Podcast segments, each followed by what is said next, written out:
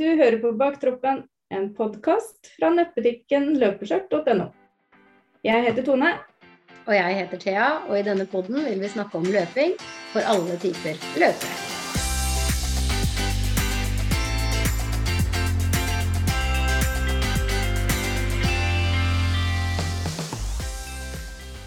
Hei, Thea. Hei, Tone. Da var det ny podkast Det har de jammen meg. Det, altså, nå har vi jo annenhver uke, og likevel så flir det som bare det. Det gjør det. Ja, Det går ja. veldig fort. Åssen går det?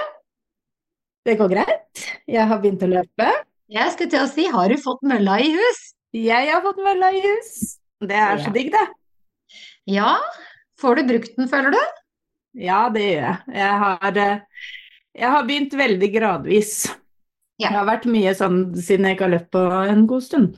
Mhm. Så har det vært mye sånn varme opp ti minutter med å gå, og så løper jeg fem minutter, og så går jeg to minutter og løper fem minutter, og så holder jeg på sånn kanskje 45 minutter, en time. Oi, fantastisk. Det er jo Ja. kjempebra. Med vektvest. Nei, nei, nei, jeg løper ikke med den. Nei. Eh, og så har jeg neste økt da, så tar jeg en økt med vektvesen, og da går jeg med den en halvtime. Mm. Jeg begynte med en halvtime, og så tok jeg 32 minutter, så tok jeg 34 minutter. Mm. Bare sånn for å få det litt sånn gradvis, for det er jo 10 kilo ekstra på, på ledd og sener Ah, og ja. Så det er greit å ta det gradvis med den. Jeg har ikke tenkt å bli satt under den skadene. Og så tar jeg hofteøvelser. Ja. Ikke så ofte som jeg burde ha gjort, men jeg gjør det i hvert fall. Mm. Og jeg kjenner at det hjelper, det altså. Det er nok veldig lurt. Altså Mm. uansett, altså i hvert fall altså de, de som sier at ikke det er lurt, er gjerne de som ikke allerede har en liten skade, tenker jeg. Mm. Altså sånn som for min og din del som sliter litt med hofter og bein og knær og litt av hvert, så kanskje ikke det er så dumt. Mm. Nei, jeg tror det er veldig lurt å få gjort disse øvelsene. Mm. Hvis jeg bare da er flink nok til å fortsette med det når det blir bra igjen, og ikke Ja. bare slutte. For det er jo det man gjerne gjør, da. Ja. Og det, men fy flate, så glad jeg er for det mølla. For i går kveld, det satt så langt inne. Jeg tenkte jeg orker ikke i dag. Og klokka var kvart på elleve. Nei, jeg orker ikke. Og så er jeg bare Jeg får heller ta dobbel i morgen. Og så tenkte jeg nei. Jeg har jo også satt for meg at jeg skal ha 10 000 skritt om dagen. Jeg kan ikke ha Nettopp. 20 000 der i morgen. Og så Nei. bare var det å skifte og gå ned på mølla, og fem på elleve sto jeg på mølla. Herregud. Det er fordelen med å ha det hjemme. Det er en veldig fordel, for det hadde jo ikke skjedd. Jeg hadde jo ikke gått ut. Frank Løke gjør det stadig vekk, han. Ja. Står på mølla kjempeseint på kvelden. I no, Mm. Null sammenligning for øvrig. Det er meg og Frank Løke. Det er deg og Løken. Ja, men altså, det er, jo, det er jo kjempefint, og det er jo det jeg mener at det, Sånn som jeg jo har jo nå fått hatt mølla mi i hus i én uke og to dager. Mm. Eh, og, Det senker jo terskelen litt. det senker terskelen veldig, men så prøver Mm. jeg Jeg er litt redd for å bli litt for ivrig. Ja. Og så har jeg ikke fått eh, Jeg, har ikke finn, jeg tror ikke det er vifte på sjølve mølla. Mm. Så at jeg må, ha en, jeg må finne meg en vifte til å ha ved sida, for jeg kjenner at å ha en mølle i kjelleren med lavt tak Jeg har jo bare to meters tak. Mm. Det er eh, varmt. Mm. Det blir ganske Så, varmt. Ja. Og så er det liksom det der med litt å komme i gang igjen, som du sier òg, da. Og så blir man kjempeivrig. Så første dagen hadde jeg 45 minutter og bare «Wey!» Jeg hadde lasta ned den Mhm. Swiften, for den hadde jo Den kunne du jo ta opp mot uh, mølla di, og det var kjempegøy, ikke sant? og så kommer neste runde og bare Å, fy fader, det her var ikke mye gøy! Nei. Da skulle jeg liksom bare ha en rolig uh, mølleøkt, og da stoppa jeg etter tre kilometer, for da var det bare dritt, på en måte. Mm. Eh, og så har jeg begynt med spinning hver tirsdag, for det, det er eh, et sånt gratistilbud for folk som har hatt kreft eh, her i byen. Det er veldig bra. Ja, det er kjempefint. Jeg var med og starta det i 2017 faktisk, og nå er jo det tatt opp igjen. Ja. Så jeg har lyst til å gjøre det på tirsdager. Og så var jeg på mølla i dag, da. Og det er så deilig, for da gikk jeg rett fra middagen og ned og løp på mølla mens guttungen stelte seg etter ball. Hadde 20 minutter til rådighet der, så fikk jeg inn en 3 kilometer der. Og så kom jeg hjem, og så løp jeg 3 kilometer før vi skulle podde. Ja. Da blir det seks kilometer til sammen i dag. Mm. Uh, og det er jo som du sier, jeg hadde jo ikke kunnet det. Jeg, jeg hadde ikke hatt 20 minutter til rådighet mens han stelte seg Nei. med å reise ut og, og, og løpe. Mm. Det er det, som er så kjekt. ikke- Ja. Jeg har også delt opp at jeg kanskje har eh, løpt litt tidligere på dagen, og så har jeg gått litt på kvelden. Eller Ja. ja, delt opp i litt kortere økter. Og i dag så blei det jo The reality struck us med Göteborgsvervet. Ja, det gjorde det. Jeg fikk plutselig pulje. Vi fikk puljene kastet på oss. Ja. Ble du fornøyd? Jeg ble veldig fornøyd, for jeg hoppa jo tre puljer fram. Eh, så nå er jeg pulje 15, ikke 18. Nei. Men eh, du fikk jo plutselig en mail. så det var jo flaks at uh, vi hadde Ja. spurt hvilken pulje du var i. Det er riktig, for jeg hadde jo ikke fått noen mail, jeg. Eh, Jeg var jo påmeldt via det teamet Team Livsstil, men så var det jo plutselig bare meg igjen som skulle være med. Mm. Uh, Og det virker som da ble Så ble det sletta, rett og slett. Ja. Virker det som på meg. Mm. Uh, Men jeg fikk heldigvis et nytt nummer av de, som de Ja. hadde til rådighet. Sånn at jeg fikk jo meldt meg på i dag, i pulje 21. ja. For da ble det jo plutselig dytta bakover, du da, siden du meldte deg på Ja, det kan jo virke sånn, da. Jeg snakka med vår faste lytter Jo Are i dag, og han meldte seg jo i november og har fått 22. Så det kan jo hende at det faktisk er en etterpåsleng da, i forhold til Ja, det kan det jo være da. Ja, jeg vet ikke, men jeg syns jo pulje 21 er jækla langt bak når det bare er 25 puljer. Mm. Og det er en halv time etter deg. Og Stian han har spist og dusja og drukket seg dritings han innen vi i det hele tatt starter. Ja, ja, han har i hvert fall spist og dusja. Kommer han tilbake for å møte meg som regel. Eller som regel, han gjør alltid det. Ja, så jeg, jeg syns jo, og jeg skjønner at Göteborgsvervet har en, en policy på at jo tidligere du melder deg på, eh, jo høyere opp kommer du i pulja di. Men jeg syns jo på en Ja, måte de det siste åtte puljene. Ja, fra 16 til 25 Ja. kikka jeg. Mm. Så er det sånn Og, og fair, det er kjempefair. Men for oss som er nykommere og ikke vet det, så er det jo litt Mm. sånn For det første, jeg bruker lang tid. Mm. Eh, kommer sikkert til å bruke mye lengre tid i år. Og den Mm. halve timen ned til deg, da, den hadde vært Mm. deilig å hente inn. Det hadde vært Mm. deilig å ha den ekstra halvtimen. Fordi, fordi tiden blir jo ikke for Altså, du må være i mål innen klokka sju uansett om du starter klokka ett eller to eller tre Ja, ja. eller fire. Mm. Ikke sant? Så det blir jo litt sånn Du har jo en halvtime lenger å gå på enn det jeg har, og Mm. Men eh, så jeg skulle heller ønske at ok, fine, det er strengt på eh, puljene deres, men legg dere i den pulja dere tror dere kommer inn. Mm. Ja. Det hadde vært fint. Men Mm. jeg får si som Thomas Kruse, min kjære medambassadør, sa, tenk hvor deilig følelse å løpe forbi alle sammen. Jeg bare, jeg gjør jo ikke det.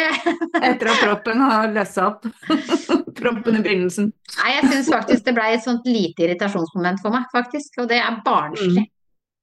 Men eh, det er sjølve opplevelsen, hele Göteborgsvervet. Du skal ut og spise etterpå, du har hotellrom, vi reiser sammen, alle sammen, selv om vi ikke løper sammen. Det her er sånn jeg har det hver eneste gang. Ja, og jeg har det jo sånn Mm. egentlig hver eneste gang, men som regel så avtaler man jo litt på forhånd. Mm. At, ikke sant?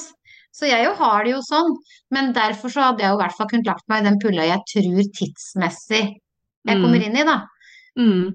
Da syns jeg jo 21 kanskje var litt drøyt, at du nesten er en av de bakerste. Jeg, Mm. jeg vil jo komme nesten sist i mål på Göteborgsvervet. Det er ikke mange puljene bak meg. Mm, Ja, det, men det er folk uansett. Jeg har vært nesten sist mange ganger, og det er alltid folk der. Ja. Mm. Nei da, så jeg jobber jo litt for det, da, at jeg kanskje skal få eh, Jeg prøver jo å bytte meg litt lenger fram, liksom. Eh, Mm. Men det, det, det er strengt, og det er bra. Det skal være strengt, da lærer jeg det neste gang. Mm. Rett og slett. Så vi får se. Mm. Eller eh, Ja. hoppe inn på noen charity-greier, kanskje man får litt uh, puljeøkning på det. Mm. Det kan jo gå an. Ja. Og så er det jo, når man har vært med før, så vil man havne på de fra 16, eller fra 15. Ja, for jeg er i siste pulje av de som har vært med før. Mm. Og så er det de ti siste da på Ja, og det var litt rart, for den pulja lå liksom fra to og en halv til tre, eller to til tre, eller noe sånt noe. Den Han siste, ligger til fem timer, tror jeg. Den siste pulja. Å ja. For da kan man jo løpe Starte klokka tre, så kan du løpe til sju, som fire timer, da. Jeg mener det sto fem, men uh. Det blir jo praksis fire timer når cutoff er klokka sju. Da kan man jo faktisk gå hele Göteborgsvarvet. Det kan man. Mhm. Nei da. Men eh, sånn er det, vi må bare satse på at det Jeg skal ikke furte for lenge. Men jeg tror bare at jeg furter for mye akkurat for tiden. Så Nei, men jeg skjønner deg helt, ja. Det er jo sånn når man skal spise sammen andre og man skal Jeg får jo alltid et problem når vi skal spise seinere, for folk tror ikke at jeg er så treig. De veit jeg er treig, men de skjønner ikke hvor treig. mm. Og når det er bare ja, vi kan ha middag klokka sju. Jeg bare, klokka sju. Ja, da har jeg kanskje vært i mål en halvtime, så skal jeg klare å komme meg til trikken, som er ganske full, og så skal jeg trikke i 20 minutter og en halvtime til hotellet. Mm. Så skal jeg dusje og gjøre meg klar, og så skal jeg gjerne få puste litt òg, før jeg skal eh, ned til middag. Da er de andre ferdig. Og de syns jo, som de som da var i mål kanskje klokka tre, de syns jo det er altfor seint med middag klokka ni, Mm. som egentlig hadde vært mer realistisk for meg. Så er det litt med det der å reise sammen bort og liksom Det er liksom bare hele opplevelsen da, når du starter på en halvtime etter, altså da må du være der litt før, og så blir jeg veldig lenger før da, hvis jeg drar sammen med deg bort, ikke sant. Altså, det Mm. det er, men, men, men eh, sånn er det jo bare, da har man lært det neste år, og så er det jo jævla kjipt da for de som melder seg på nå, og blir putta inn i 25. ja. Det må alle vite. Melder dere dere på Göteborgsvervet nå, så kommer dere bakerst. Ja, Da må man ta igjen en del. Da må dere løpe sikksakk og være jævla raske for å rekke cutoffen. ja. Man er tre timer, da. Når vi starter klokka fire siste fulle. Så har man Ja, men det trenger ikke nødvendigvis å være nok for alle det. Jeg vet ikke om det er nok for meg i år. Nei, det hadde ikke vært nok for meg det ene året jeg hadde vondt i magen. Da brukte jeg 311 eller noe sånt. Så det hadde ikke holdt det da. Men da hadde jeg vært med årene før, og da kom jeg jo på de tidligere pullene. Heldigvis. Så- Nei da, Tone, vi skal ikke dvele for lenge ved spilt melk. Vi skal følge opp. Eh, I morgen skal du noe spennende, skal du ikke det? Eh, Jo, det skal jeg. Jeg skal Mhm. på terskeltest hos Ingrid Kristiansen, sånn at jeg kan få begynne på det programmet mitt. Det gleder jeg meg til å høre om. Da får hun satt opp program for meg, og da har jeg noe å følge. For det, det kjenner jeg nå at det er litt sånn Hm, ja, hva skal jeg gjøre i dag, da? Ja, nei, jeg kan jo alltids ta tre kilometer på mølla i dag, da. Mm. Ja, nei, det blir litt sånn. Jeg kan gå i dag, da. Det blir liksom, jeg har noe Jeg har ingen plan, og det har jeg funnet ut at den planen, den, det funker veldig bra for meg, egentlig. Ja. Veit jeg hva jeg skal gjøre. Jeg slipper å tenke. ja. Og jeg gleder meg litt til å høre hva den terskeltesten egentlig gjorde for deg. Mm, Og det kan Ja. vi snakke litt om neste gang. mm. Nei, det blir veldig, veldig gøy. Så jeg snakka med Andreas Gossner i eh, Løpetrening.no. JAS. Så jeg har sendt han mail, for de vil jo eh, så gi meg eh, en mulighet. Ja. Men jeg har ikke fått svar ennå. Det gleder jeg meg veldig til. Mm. Det Så det blir skal vi veldig gøy. følge opp. Mm. Rett og slett. Kanskje jeg skal være Mm. dritrask når Göteborgsværet kommer, for jeg har fått hjelp av løpetrening.no. Så kan jeg bare gjøre sånn i mål, kan jeg vise fingeren til hele jævla Göteborgsværet. Bare putte meg bakerst her i Så jeg må stresse med å tenke på at jeg rekker den cutoffen bare fordi at jeg meldte meg på litt seint. Det er veldig dumt. Nå jeg ikke surte over det. Nei, vi har gjest i dag, så nå skal vi Det har vi. ønske henne velkommen. Mm. Det gjør vi. Setter vi bare rett over til Jevi. I dag har vi med oss en av mine medambassadører i Oslo Maraton. Jeg må få lov å si det, men du er ganske mye mer enn det. Vi har med oss Jevi Majid. Velkommen. Tusen takk. Veldig koselig å ha deg med, altså. Men kan ikke du fortelle litt om deg sjøl først, da? Du er jo en dame med mange jern i ilden. Kanskje litt for mange, og det er nesten ikke jernmangel her, altså. Men eh, jeg har jo, eh, ja. Jeg har vært da en løper i år, så blir det vel eh, syv år.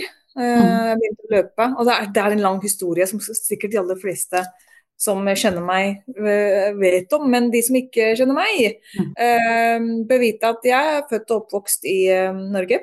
Eh, Jeg ble faktisk født på, eh, i i Drammen, så jeg går helt fra starten, jeg da. Nei, ja, Det er lurt. Jeg, jeg veide til det. Det var en kald dag! Det var. Det var det ikke, for vi har bursdag på samme dag, så det var ikke så kaldt da. Nei, vi har bursdag på samme dag, ja. 21. Det har vi. dagen i eh, året. Fantastisk dag eh, å bli født på. Ja. Men i hvert fall så har jeg eh, eh, da giftet meg Eksmannen min var en brite. Jeg giftet meg og flytta fra Norge til UK, eh, England, i, eh, når jeg var 21. Jeg var veldig ung. Mm. Og eh, ble da en eh, halv briter, holdt jeg på å si, og bodde der og fikk barn, fikk to jenter, var eh, liksom jobba deltid og hadde et liv der og hadde et nettverk, men det var et eller annet som mangla, følte jeg. Jeg hadde ikke noe fokus på meg selv.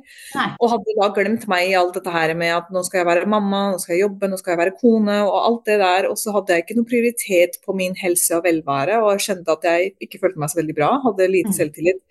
Og da um, var det jo slik at uh, jeg, hadde dårlig råd, rett og slett, og tenkte hva er det som er det gunstigste og billigste treningsformen. Og da kom jeg på løping. Dette er noe jeg hadde gjort når jeg var ungdom, faktisk. Rundt Mm. Romsås, hvor jeg um, vokste opp. Så pleide jeg å løpe rundt i, i det området. Uh, ikke så veldig ofte, sånn som jeg gjør nå. Men eh, da tenkte jeg ok, vet du hva, jeg kan begynne å løpe og se hvordan det går. Um, og så husker jeg at jeg begynte med første tre kilometerne og hata det. Ja. Og tenkte at nå brenner lungene, dette her er ikke noe spesielt morsomt, og kanskje jeg skal bare glemme den formen og ta tak i zumba eller yoga eller noe sånt. Ja. Men eh, jeg husker jeg kom hjem fra den turen, og eksmannen bare spurte meg hvor, eh, hvor langt jeg hadde løpt. Og da sa jeg tre kilometer. Han bare "Pff, Jeg pleier å løpe, ti, jeg nå. Jeg tar tre Ja, runder. Og da ble jeg litt sånn derre Å ja. Nå skal du få lov til å se.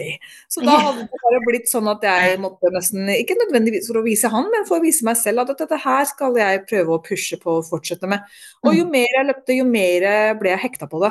Det var jo Mm. det som skjedde med meg, at jeg ble veldig hekta på at hva er greia med løp, løping. Mm. Men så oppfattet jeg så veldig eh, tidlig at jeg Det var ikke mange som så ut som meg som løp, og det var back in the day i England, liksom. Og der er det jo mye mer mangfold, men jeg opplevde at det var veldig få som løp, som var av minoritetsbakgrunn. Mm. Um, så eh, sakte, men sikkert så begynte jeg da å delta i forskjellige løp, organiserte, uh, organiserte løp og halvmaratoner. og det gikk altfor raskt for min del, men 15 måneder etter at jeg begynte å løpe, så løp jeg London Marathon. Oi, full distanse. Ja, 2018 var eh, Jeg hadde trent hele vinteren i eh, Nottingham.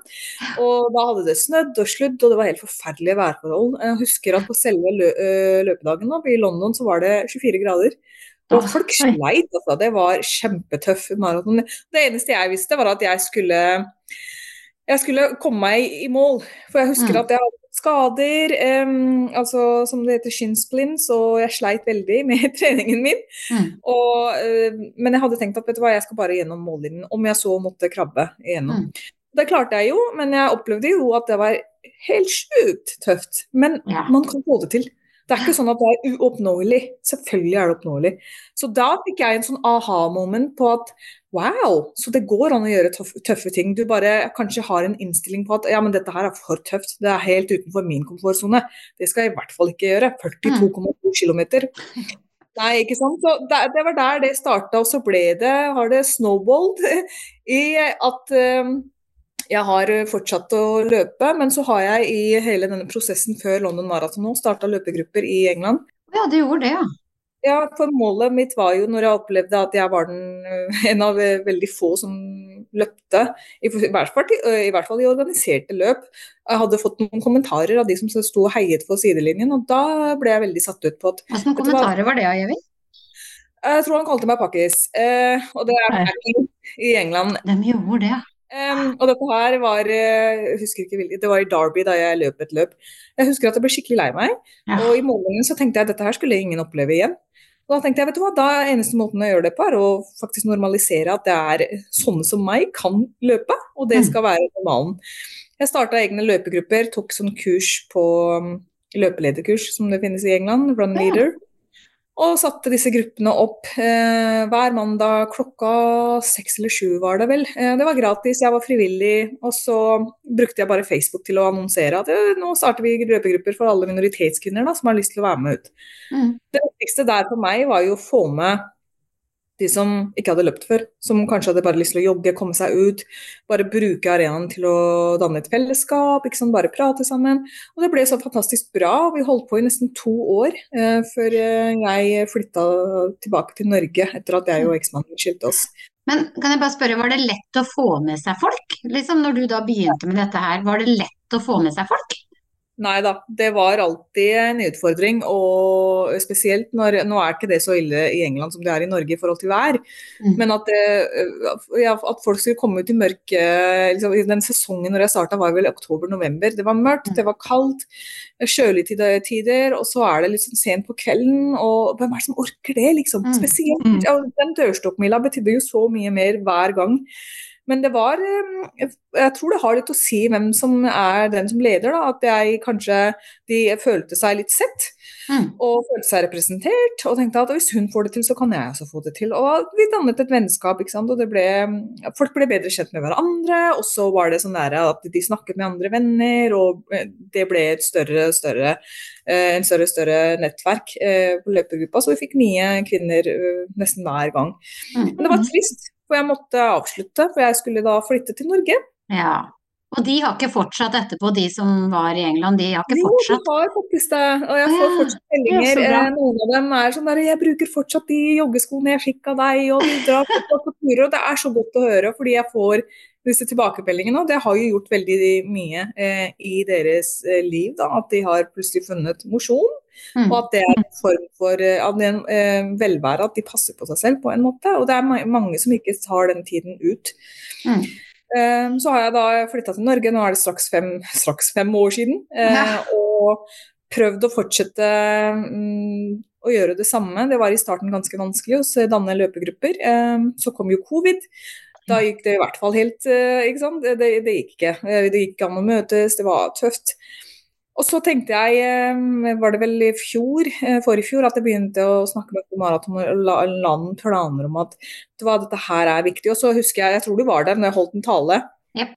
på den festen og sa at det er så viktig å ha å representere minoriteter, og vi må være inkluderende. Og, og sport er jo for alle. Mm. Og det, det, er jo noe jeg har følt på helt siden jeg har vært der, at det er vi har mye å jobbe med her. At det er ikke gitt at uh, alle føler seg At det, dette her er noe jeg har lyst til å være med på. Så da har jeg da starta disse løpegruppene i fjor, akkurat uh, et år siden. Og det har vært en veldig fin historie, for det har vært en suksess. Det har vært et behov. Selvfølgelig så er det noen helt andre boller da, når det er vinter og det er snøstorm. Ja. ja. Da er det litt få som kommer, men det er forståelig. Fordi dette her er noe nytt. ikke sant? Eh, og det å bli vant til å hver uke møtes og løpe inne, løpe ute uansett, eh, så har jeg alt, hver søndag så har vi holdt til.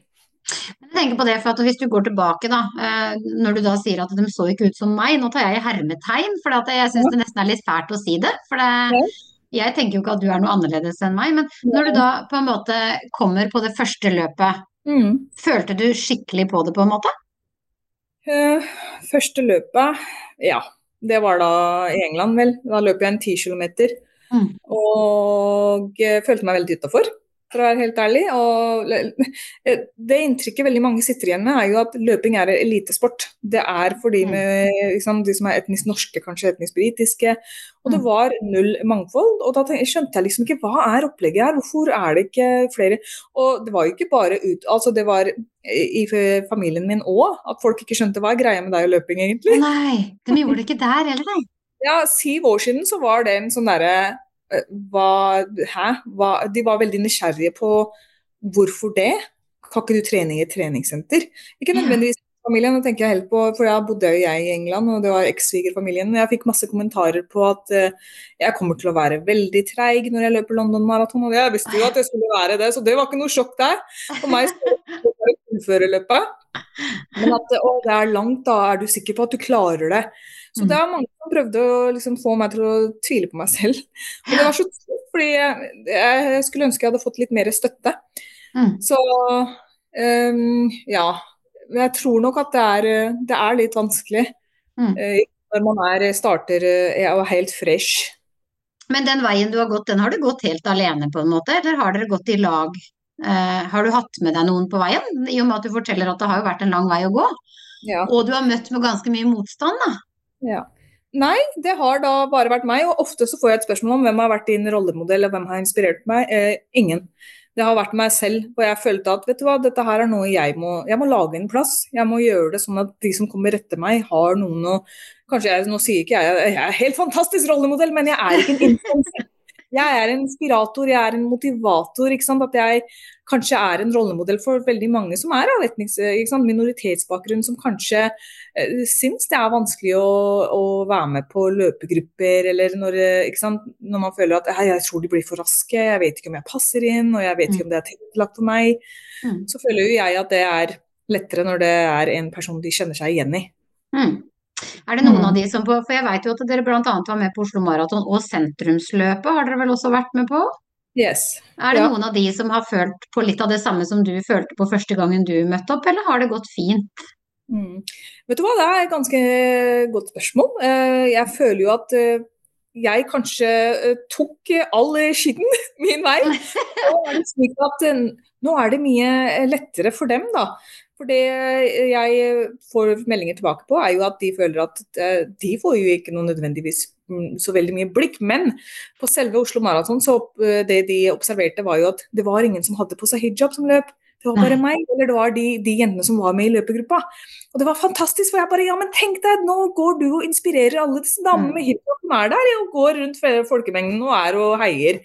Så jeg følte på at de var annerledes, men det er så viktig at de er der. Så men, de aller fleste har kanskje ikke liksom, blitt eh, sånn som jeg helt i begynnelsen følte, at man ble glodd på og stirret på, for det var så rart. Mm. Uh, og jeg opplever det ofte når jeg er ute og løper nå òg, kanskje det er det området jeg bor i, men jeg, at det er liksom Det er ingen jeg kjenner igjen som ser ut som meg. Nei, for jeg tenkte jo, for, for første gangen du fortalte om dette her, så tenkte jeg nei, nå tar hun feil, tenkte jeg. Dette har jeg jo da satt mange ganger folk som løper med hijab, men så begynte jeg å tenke nei, det har jeg jo faktisk ikke gjort. Mm. Så du har jo helt rett, men jeg har bare ikke tenkt over det på samme måten, så det er nok sikkert mer eh, den som kommer der. Ja. Som tenker på det, liksom. Ja. Men jeg var liksom sikker på at nei, dette her er jo ganske vanlig. Nei. Og det er jo ikke til man er i den situasjonen at man opplever på disse følelsene. Og det er mm. en helt forferdelig følelse å føle seg litt sånn på utsiden av noe man kanskje er interessert i eller har lyst til å være med på. Mm. Eh, jeg husker at en av de jentene som løp eh, Oslo Maraton, eh, fikk i etterkant en kommentar fra mannen sin venn, en mannlig venn, da, som sa at lar du henne være med på sånne ting? Mm. Og jeg ble helt satt ut, og hun ble helt satt ut. Og jeg var sånn derre OK! Ja, this is the reason hvorfor vi må gjøre dette her. Altså, mm. det er, vi må ha et sånt uh, organisert fellesskap hvor kvinner kan stå sammen og gjøre noe som uh, kanskje blir ansett som at ja, men det, dette er ikke noe for damer. hvorfor er hun ute og jobber? Uh, og det er, litt, det er, litt, trist at hun fikk den kommentaren, men da, da, sa jeg men da ser du viktigheten av at du, du er der. Mm. Og du gjør det du gjør. For du bryter disse stereotypiene. Ja, for, for, sånn i bunn og grunn så er du jo fra Drammen. du er, er, er, jo, er det ikke Ja, du er i hvert fall født i Drammen, da. Ja. Så, så, så, i bunn og grunn så, ikke, så, er du jo egentlig ikke utenlandsk, du har jo bare bakgrunn. Nei, Som en utenlands, ja, så det er jo kjempefint at du tar tak i det for å på en måte kunne jobbe litt for din, din bakgrunn, da, om jeg kan si det sånn. Ja.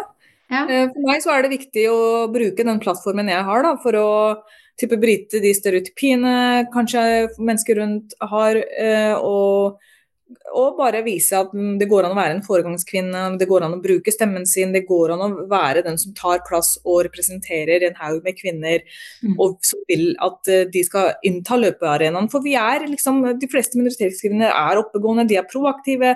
Det er ikke sånn at de er hjemme og sliter og har det helt forferdelig.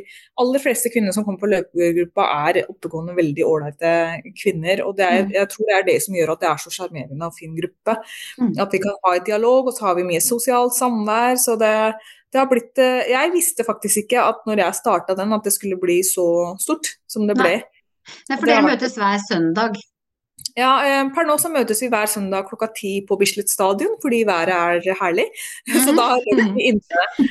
Men det har, vært, det har, hatt sine utfordringer, for det er ganske mange mennesker på Bislett stadion som løper. Og, og, mm. og igjen så understreker det, det jeg, har, jeg, sliter litt med, da, er at de, de, aller fleste som løper der, når vi er der, da, løper utrolig raskt. Og da er det jo to felter, ikke sant? du kan løpe forbi oss. Men uh, forrige gang vi var der, så opplevde vi at vi ble liksom rett bak oss. sånn at uh, Skulle vi løpe fortere, eller var det ikke sånn at du kan løpe forbi oss? Eller, man mm. føler seg litt pressa på å prestere. Mm. Og det er det som gjør at man ikke får lyst til å da kanskje være med så veldig mye. Um, og det, det, skjønner jeg. altså Noen ganger så har kvinnene følt seg litt demotivert, for de bare ja, men de er så raske, eller det er, det, er så mange mennesker, og de trenger det um, arenaen hvor de kan, sånn som vi har på Lambertseter stadion, hvor det er åpent, det er masse plass. Og der er det ikke noe press eller styr med at nå skal du løpe denne tempoen, mm. og så skal vi på de intervallene. Nei, det er mer om å uh, få med seg alle sammen.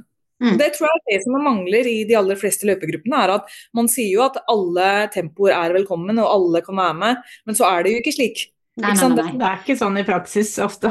Nei. Vi har snakka mye om det innpå her, faktisk. Mm. Ja.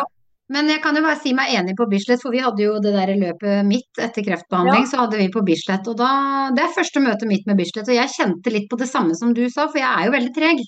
Ja. Eh, og da, da, det, da, kom det jo folk bak oss som bare 'Vi skal springe fort i den og den lina, bare hold dere inn sånn og sånn', og vi bare Kom igjen, da. Det er dere som kommer bak oss. Dere må på en måte holde Ja, ikke sant. Ja. Nei, og det er ikke noe ålreit følelse, for du føler deg litt sånn derre OK, er det meningen at jeg skal prestere? For jeg bare kommer en gang i uka og bare liksom beveger meg. Liksom. Få deg vekk. Vi er heller ikke noe glad i Vi er ikke glad i snø og is, vi heller, og vil bare jogge inne, liksom. Så... Ja, mm. så... vi har jo gått fra å møtes klokka 11 til klokka 10, for da er det færre mennesker der. For da er det mm. akkurat da de åpner. Men vi var der sist, så var det veldig koselig. Altså, det var flere, færre folk, men det var igjen disse uh, utrolig flinke løperne som løper mm. fort, og det er kred til dem.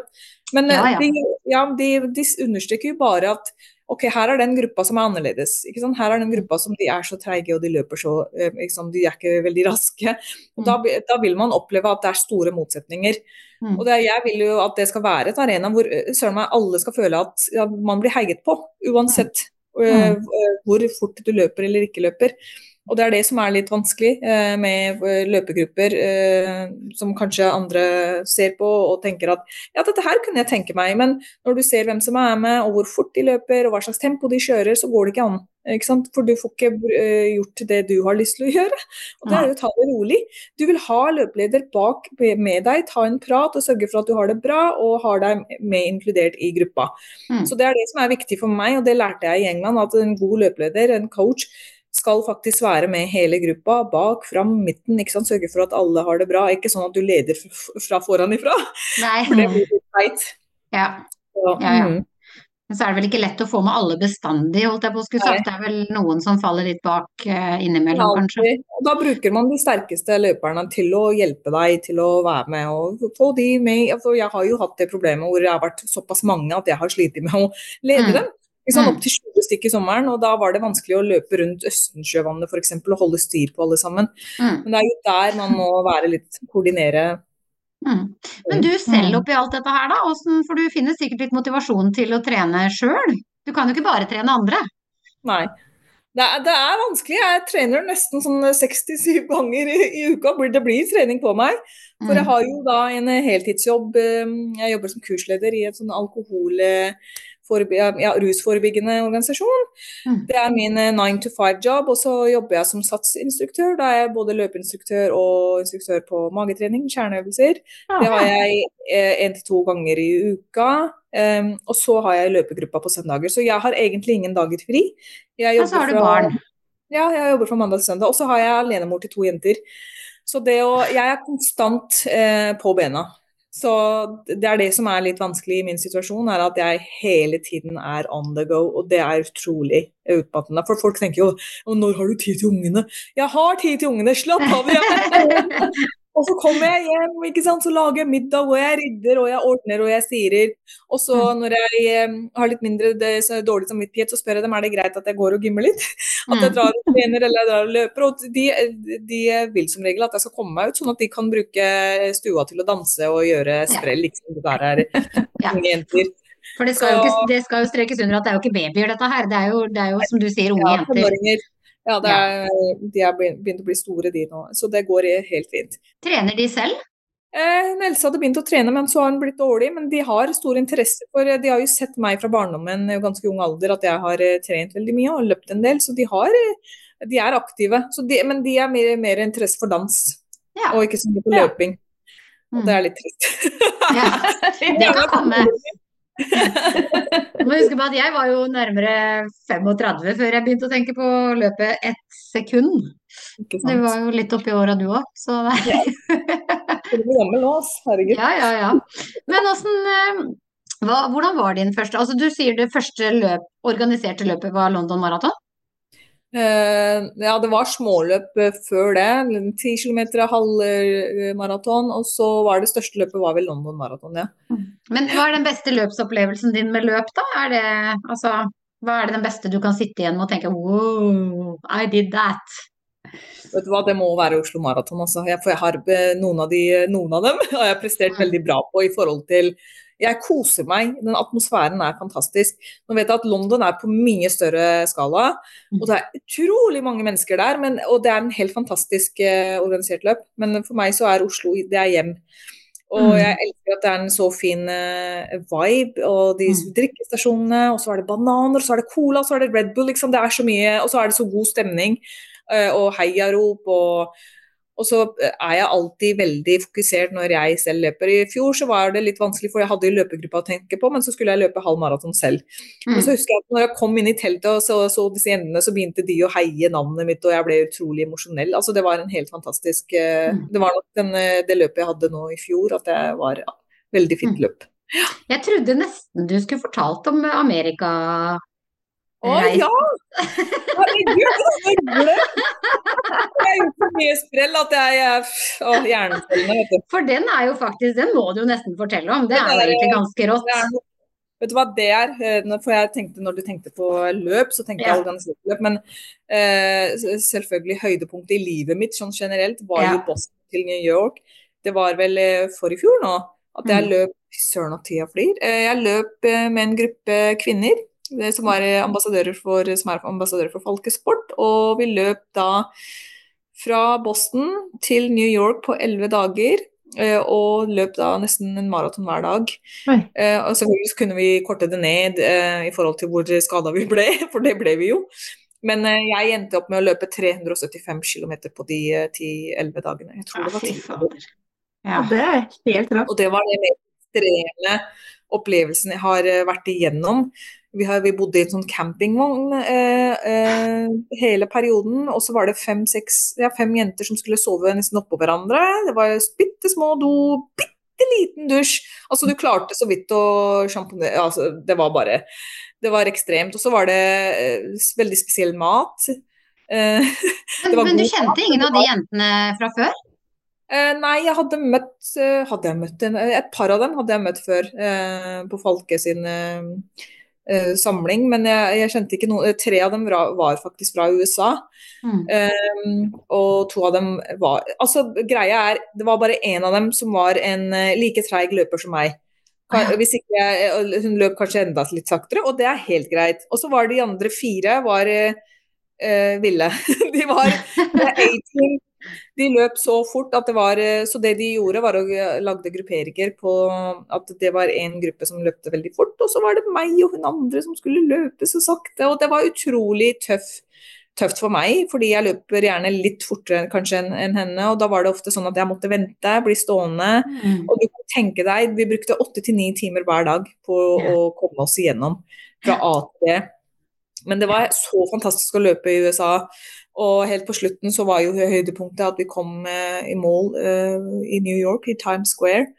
Uh, og det var en utrolig emosjonell reise, tror jeg. Så Mm. det, det er ingenting overgår den. Uh, for det er, det er det jeg har skjønt, er at de aller fleste forbinder meg med Boston til New York. For det var så spennende, og var så, det har vært så mange, mange fine bilder, og det var en dokumentar som kom ut i fjor, som ligger Mm. på YouTube. Altså, det var en utrolig uh, spesiell opplevelse. Jeg husker det var utrolig morsomt å følge deg. Ja. Ja, det var jo ikke så lenge før vi, eller altså etterpå at vi møttes på Oslo Maraton, ja, det stemmer. Ja. Ja, det stemmer. Det var kjempegøy, og det var kjempespennende, rett og slett. Men hva er det som gjør at man blir plukka ut til sånt, da? Det må jo være mange som er ambassadører for folket. Altså, hva er det Nei, de, de har jo sett at jeg gjør en viktig jobb i forhold til representasjon og inkludering, så de var veldig imponerte med at jeg drev disse løpegruppene og hadde lyst til å få med Mm. flere minoritetskvinner. Og det har jeg gjort da fra før jeg flytta til Norge. Så han som leder eh, hele Falkesport, han visste jo hvem jeg var. For jeg Mm. har jo vært ambassadør for Assex også. Han var en del av det teamet òg. Mm. Eh, og da visste han liksom hva jeg sto for, og hadde veldig lyst til å ha litt eh, mangfold da i det laget som skulle bli med. Mm. Så da valgte de meg, og jeg sa faktisk til dem vet du hva, dette her er ikke noe jeg tror jeg kommer til å klare. Jeg klarer, ikke å, jeg klarer så vidt å løpe maraton, bro, så hvordan skal jeg klare å gjøre det hver dag? Og han bare nei da, vi, vi tilpasser oss, du må bli med. Jeg bare nei, vet du hva, jeg tenker det at hvordan skal jeg få to uker fri fra jobben, jeg har to unger. Mm. Og de bare prøv å finne ut av det, så, så vi vil ha deg med. Og så fant jeg ut at eksmannen min kunne komme og passe på barna, jeg kunne få to ukers fri, null pro problem. Og da bare å nei, da må jeg være med. Nå hadde jeg ingen kostnader forbundet med dette her, så da må Nei. du bare være dum hvis du ikke er med. Så bare tenkte jeg, vet du hva, dette her eh, fikser du. Det er en once in a lifetime. Absolutt. Men det var ingen flere enn dere? Det var deres gruppe som løp? Ja, det var, eh, så det var oss fem jenter som løp eh, distansen, og så var det crewet. Så det var enda en campingvogn eh, han som tok bilder, videograf, fotograf, og han som koordinerte, han som laget dokumentarfilmen. Eh, ja, så det var noen gutta boys i den andre bilen, da, så, og så var det også jentene. Mm. Så, så de fulgte med hele reisen, så det var så, så kult. Men jeg sa jo til meg sjøl når jeg var ferdig med det der, at eh, aldri mer skal jeg være med på det. Men så spurte de om noe annen ekspedisjon, og jeg bare OK, kanskje. Man glemmer fort. Ja, glemmer fort. Ja, men har det blitt noe da, eller er det bare liksom en sånn eh, Nei, de hadde tenkt faktisk å komme til Norge og løpe i noen fjell og sånt, men jeg tror ikke det ble noe av det Nei. eh, i ettertid. Ja. Har dere kontakten enda, dere jentene? Dere må jo ha blitt veldig godt kjent? Ja, vi ble altfor godt kjent. Hverandre på nervene. Det var litt sånn Big Brother-opplegg, altså. Fordi det ble litt drama, og det var litt sånn øh, Hun ene var veganer, og ofte så fikk ikke hun den maten hun ville ha, og gikk ofte og la seg øh, på tom mage. Det ble ofte litt drama rundt det. Så var det hun jeg øh, var, Hun var veldig ålreit, men hun sleit litt med at hun var kanskje litt treigere enn andre, og at hun opplevde at hun følte seg litt annerledes pga. det, og øh, var liksom behandlet på lik måte. Så nei, men vi har fortsatt uh, noe kontakt, uh, og de er veldig ålreite mennesker. Man blir jo kjent med en person når, på en helt annen måte når du løper de distansene der. Altså. Mm. Når du har det så ekstremt, og alle sliter med skader. Jeg kom jo hjem med en ankelskade, og det var helt forferdelig vondt. fordi når vi gikk opp, for vi gikk opp um, Appalachian Trails, det tok oss fire dager før vi kom ned og ut til New York. New York er ganske stort, det, hadde, det visste jeg ikke. Jeg trodde det var selve byen, and that's it, men den er fantastisk stor. Så jeg, etter at jeg drev og liksom, med foten min var liksom fram altså Det var så forferdelig vondt, og jeg hadde feil sko på meg i den perioden òg. Mm. Så da ble det en del eh, skader på oss jenter. Mm. Mm. Fantastisk. Men, men har du noen sånn eh, altså For det er jo den beste, og sikkert også litt av den verste, men har du en skikkelig ræva opplevelse som du på en måte har opplevd løpsmessig? Sånn eh, Ja. Ja. en sånn ordentlig dårlig løpeopplevelse? Eh, jeg løp eh, Stockholm Maraton, eh, og jeg hadde da en kneskade. Og jeg, jeg, har, jeg tror jeg hadde brukt sånn teip eh, over hele benet. Jeg hadde tatt Paracet, jeg hadde tatt Ibuprofen. Altså jeg, jeg skulle absolutt løpe den. Eh, og det var, jeg ble ferdig og fikk eh, veldig, bra, veldig, veldig bra tid for meg. da. Mm. Eh, og jeg var veldig stolt av meg sjøl, men fy søren så vondt det var. De Mm. fire og en halv timene som jeg holdt på, jeg var in agony. Eh, og så var det liksom dystert vær, så jeg koste meg ikke så veldig. Altså, det var alt eh, rundt det. Det var en veldig fin by, men jeg kjente at fordi jeg hadde så vondt, så skulle jeg kanskje ha bare ikke løpt det løpet. Mm. Mm. Det har så mye å si at man ikke har skader og vondter, for du Mm. kommer til å slite de fire og en halv timene du skal gjennom. Så helt på slutten, så Det er min typiske trademark, er jo å grine og sippe. Så det, det, det var det jeg gjorde, og da var det liksom, Det var den eh, ikke så kul erfaringen jeg hadde der. Men eh, vet du hva, det er, det er det som gjør deg til en eh, løper, tror jeg. Du må ha de gode opplevelsene, og så må du ha de der du lærer. Vet du hva, det vet du da til neste gang. Det gjør du ikke, eller du gjør det på en annen måte. Du skal forebygge skader, at du blir sterkere i kroppen. Hvordan trener du annerledes? Så jeg har lært mye av de. Ja. Hva er det lengste løpet du har vært med på utenom det i Amerika? Det i ett slekk, liksom? Hva er det lengste du har løpt? Ja, Det var vel det som var i Amerika. Da var det 50 km. Jeg av Ja. de Og eh, med, med, ja, så ellers så er det bare maraton jeg har løpt. Bare, Så- bare maraton. Nei da, jeg har egentlig lyst til å løpe eh, ultramaraton. Jeg løp en virtuell ultramaraton, det var vel for to-tre år siden. Da var det for eh, Oslo Maraton igjen. Da var det 50 km. Men jeg har lyst til å gå over den terskelen og prøve meg på 60 eller noe sånt. Mm. Men eh, vi, vi får se.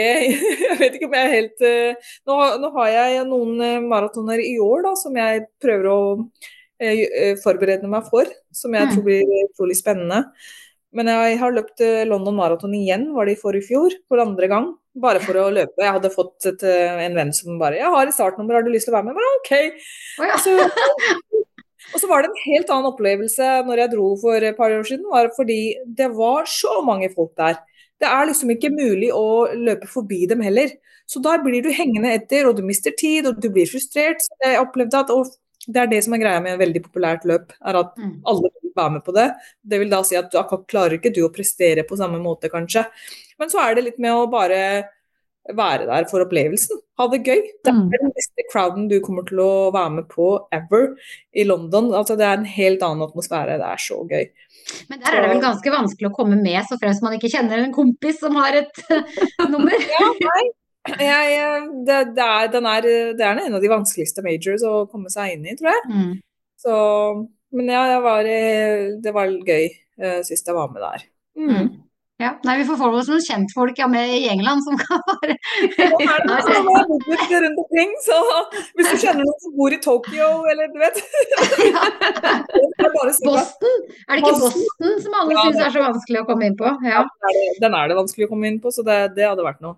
Da må Ja. man kjenne, kjenne de folka høyt oppe. Men det, jeg, det er ikke jeg interessert i. Hvis det skal være så umulig å løpe et løp, Mm. uh, så er ikke det så veldig gøy lenger. For det, du skal ikke ha det gøy, ikke sant. Det er hele greia med meg, er at med en gang jeg opplever at vet du hva, nå blir det slitt. Nå Mm. uh, syns ikke jeg dette her er noe gøy.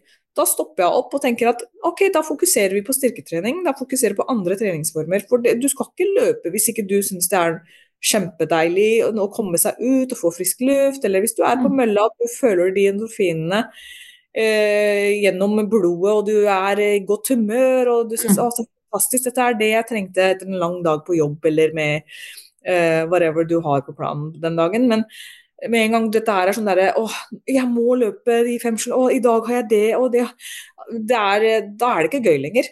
Ikke sant? Det er enten sliter deg ut. ja. For du kjenner ikke på den følelsen når du er ute og løper at åh, i dag var det slitsomt.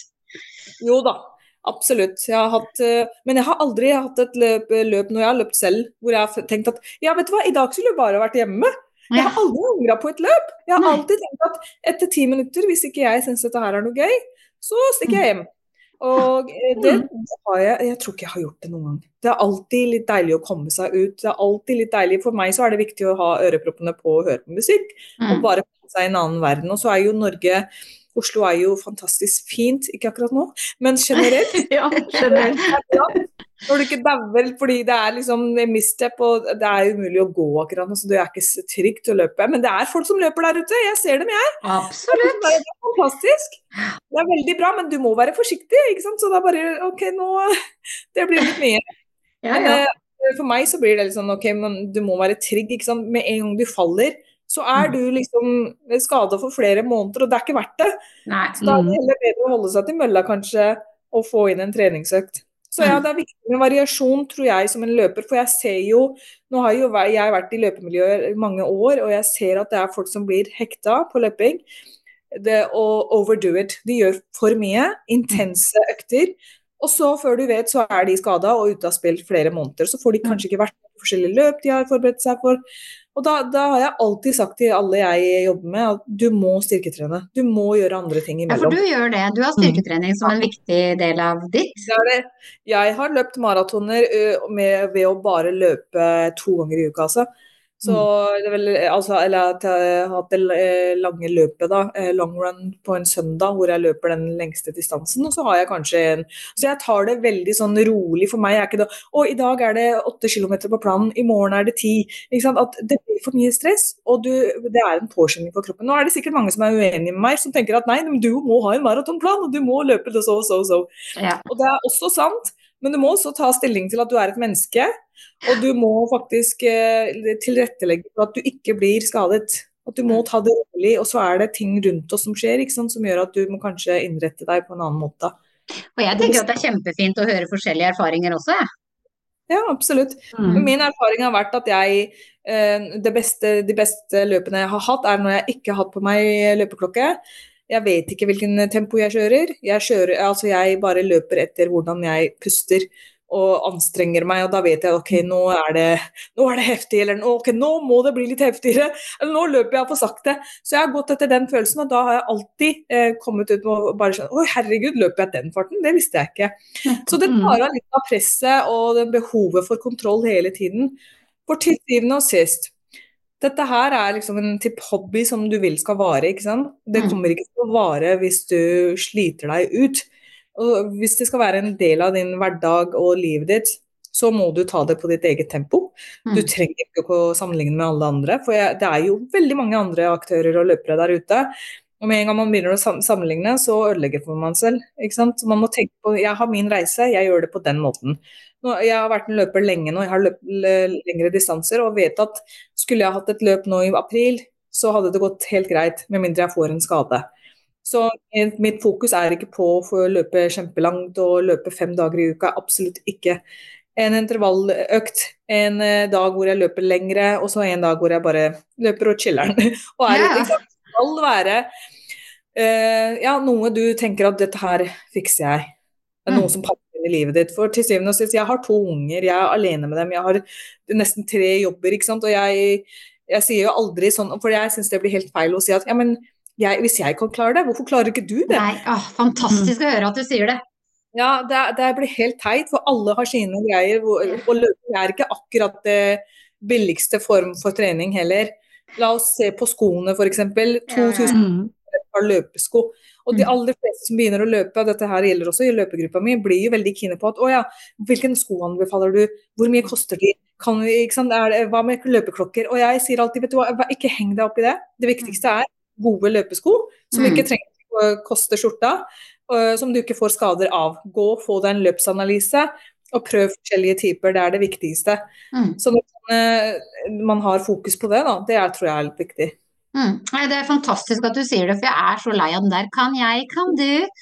For det er Ja. ikke riktig. Det er ikke sånn det fungerer, liksom. For alle har forskjellig utgangspunkt uansett. Det er nettopp det. Det utgangspunktet er forskjellig for alle. Så det, det blir helt teit å sammenligne uh, folk. Du må gjøre det som passer deg. Hvilken livssituasjon er du i? Hva, hva, hvilke dager er det du kan tenke deg å komme deg ut? For det var så gitt at i dag når jeg har vært på trening og trent leg day, det var bena i dag, mm på meg jakka, så slo det meg. Det er som om å puste og komme seg ut og bare trene. Mm. Når er det du kom på det punktet i livet? Ja. Fordi før så har det vært åh, jeg orker ikke. Å, la abonnementet bare være der, at det er medlemskapet bare være der, og så går jeg i morgen kanskje, og så skjer det ikke, og så skjer det ikke. Mm. Men med en gang det blir en del av livet ditt hvor du, eh, det er den samme måten som du spiser, du dusjer, du trener, du løper. Det er det man skal kanskje jobbe seg frem til, at det blir en så naturlig del, del av hverdagen. Mm. Eh, og det har tatt meg flere år før det, har, eh, før det har skjedd at det har blitt helt sånn stabilt, hvor det er bare helt vanlig. At det er en kontinuitet i det. Absolutt. Mm. Mm. Nei, for det skal ikke henge over huet på en. Det har liksom eh, Ja, jeg tror jeg var flinkere til det før, men nå så syns jeg det henger mer over huet. Og det er litt som du sier, at det, det skal liksom bli en naturlig del av hverdagen. Ja, og når det ikke er det, så vil du føle at du ikke mestrer, at du ikke gir, eh, gjør nok. Og da sitter du med en lav selvfølelse, eller en følelse av at du ikke strekker til. Mm. Så blir det stress. Det har vi nok av andre ting, ikke sant. Jobben og ungene og alt det andre hvor du ikke, ikke sant, ja, holder helt mål, eller kommer oppnår det vi ønsker, og så kommer det med løping og bare 'Å ja, det klarte jeg ikke i dag', eller 'jeg løp ikke så godt som jeg hadde tenkt i dag'. Og Da bare you're setting yourself up to fail, og det, det er en opplevelse jeg ikke liker å ha, for jeg har nok med det rundt omkring, spesielt med ungene. Ja. Bare, det jeg trenger er jo at det jeg ønsker alle, de aller fleste, med mindre du er en eliteløper, hadde eh, da ansett løping som er liksom Det er der du får pusta. Mm. Ikke sant? Det er det, din eh, frihet. Det er din escape. Det er her du skal få lov til å bare være deg selv. Og kanskje prosessere tanker du har hatt i løpet av dagen. Bare være med deg selv, vær venn med deg selv, vær snill. For jeg er veldig flink på å ikke være det. Jeg er min største kritiker. Jeg kan si veldig masse Min internal dialogue er ikke så veldig støttende og eh, heia Javi, typ. Men når jeg løper, så føler jeg at det endrer seg. At jeg setter litt mer pris på at fy søren at du fikk det til. Fy søren at du har vært og gjort det. Liksom. Nå er det gjort. Da kan du ta på deg badekoppa di og bare bli litt sånn som jeg gjør nå. For det er min slappe av-modus nå. Men da vet jeg at jeg har, jeg har, gjort det jeg trengte å gjøre.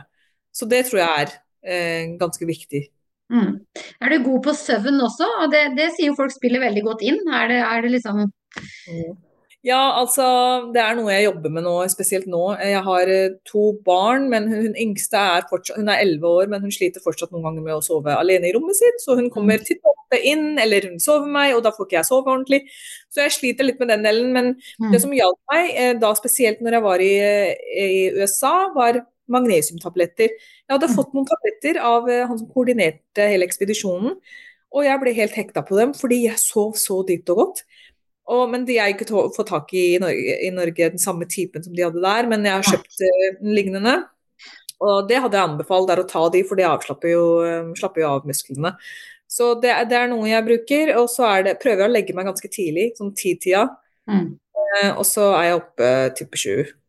Så jeg, jeg, har litt for, men så, når jeg står opp, så sier Garmin ja, du har sovet i ti timer, og så var det seks, ikke sant? Ja. Mm. Det er løgn!